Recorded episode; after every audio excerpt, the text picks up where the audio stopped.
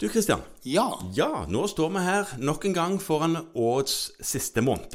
Desember. Desember måned. Mørke og etter hvert mye julelys og Ja, Santa Lucia og Ja. sånne Hva heter de Ja. noe? Disse i safran, hva heter det? lusekatter. Ja, det var det. Ja. Ehm, men ikke det. Eh, Det er òg en annen ting som følger med i desember, og det er julekalenderen. ja.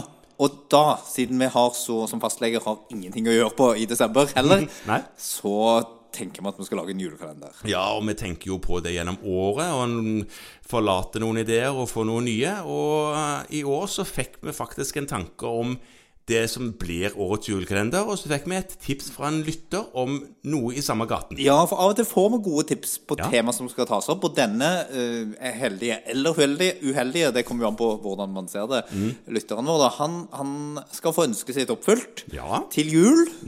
Og ikke bare én podkast, men faktisk hele 24. 24 stykker, så, Ja. og så er det jo òg fint for oss da, at vi vet at én person der ute i alle fall setter pris på Ja, denne serien. Det er jo eh, uendelig mange flere enn det det pleier å være. For som oftest er det bare noe med å komme på selv, og så håper vi at noen andre syns det er gøy. Helt riktig.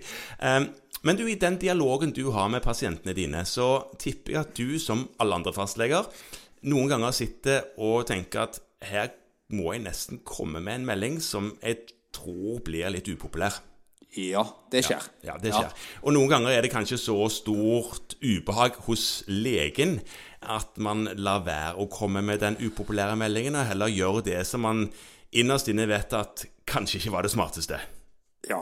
Ja. Tar den prøven, eller eh, Ja, stiller det bildet, eller eller- henviser, eller ja. Ja, ja. det, det du kan være. jo legge til at det blir litt lettere med årene. Og, eh, og gjør det som du vet du skulle ha gjort. Ja. det gjør det nok. Til trøst for de som, som sitter og kjenner veldig på det, Ja, og men- ikke er fullt så gamle Ja, som gamle. oss. Ja. Grimt tema. Men eh, for å gjøre den der meldingen litt lettere, Ja. så var det et initiativ som kom fra utlandet for noen år tilbake. Hva var det? ja, altså, i 2012 så startet eh, amerikanerne noe som heter Choosing Wisely-kampanjen. Wisely-kampanjen i Ja, i 2012. Var Ja. det i kjølvannet av en viss Indiana Jones-film? Ja, jeg, jeg tenkte jo umiddelbart på det da jeg hørte den. Men den filmen er jo faktisk ganske mye eldre, tror jeg. Ja, Men det var der de har det fra. Det må jo være det. Ja, hvor- Choose wisely. Nettopp, ja. Og det, da vet vi jo hva som skjer med de som velger dårlig. Ja. Heldigvis er det ikke så dramatisk i vårt yrke, da. Men uh, han nazisten som valgte feil i Indiana Jones-filmen, han ble brågammal. Ja, Ja. så jeg tenker at det hadde sett tungt ut på norske fastleger Godot hvis det var den måten det gikk på. Det ble mye geriatri. Ja, men i 2018, Ja. som faktisk er fem år siden, så ble denne kampanjen tatt til Norge, og, og den er dreven av, det må man få lov til å si, noen entusiaster i Legeforeningen som Ja. dro dette i gang. Ja. Eh, og all ære til de.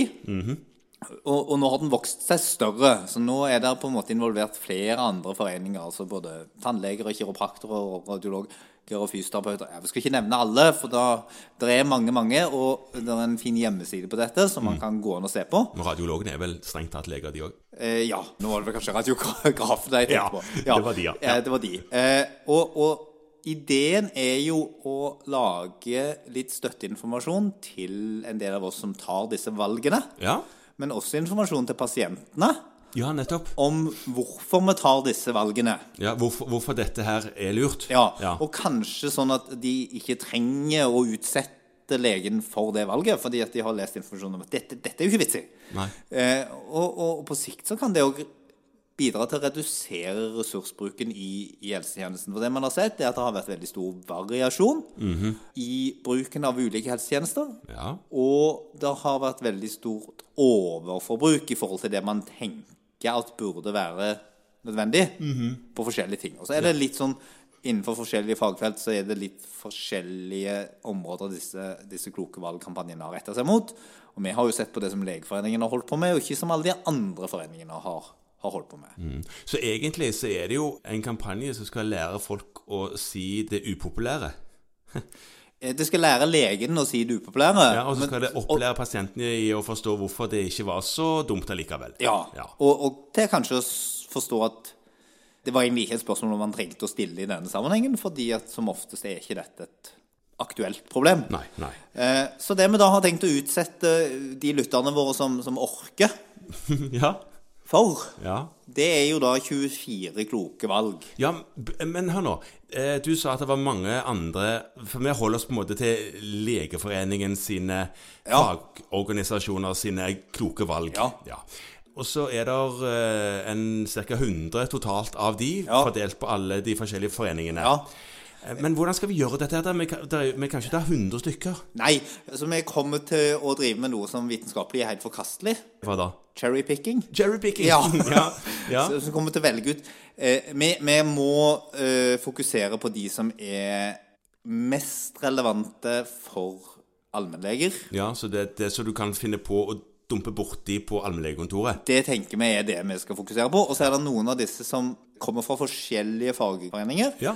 Men som ligger veldig nært hverandre. Ja. Og de kommer vi til å kombinere bitte litt. Så det, det, det, det du sier, det er at vi kommer til å touche innom langt flere enn 24, fordi vi kombinerer en del. Mest sannsynlig. Ja. Eh, og så får vi på en måte bære over med de som har Hvis noen har et veldig sterkt eierforhold til disse kloke valgene sine, Ja. at vi kanskje ikke helt forholder oss til grunnteksten i enhver sammenheng, Nei. det, det kommer vi nok ikke til å gjøre. Men vi på en måte tenker å få fronta innholdet i disse valgene med eh, 24 ganske klare meldinger Ja. om hva som er anbefalt av eh, Gjør kloke valg-kampanjen. Og hvorfor det er lurt. Og hvorfor det er lurt. Ja. Absolutt. Ok, så starting tomorrow, choosing wisely, gjør kloke valg. Ja. Ja. Velkommen tilbake. Jepp.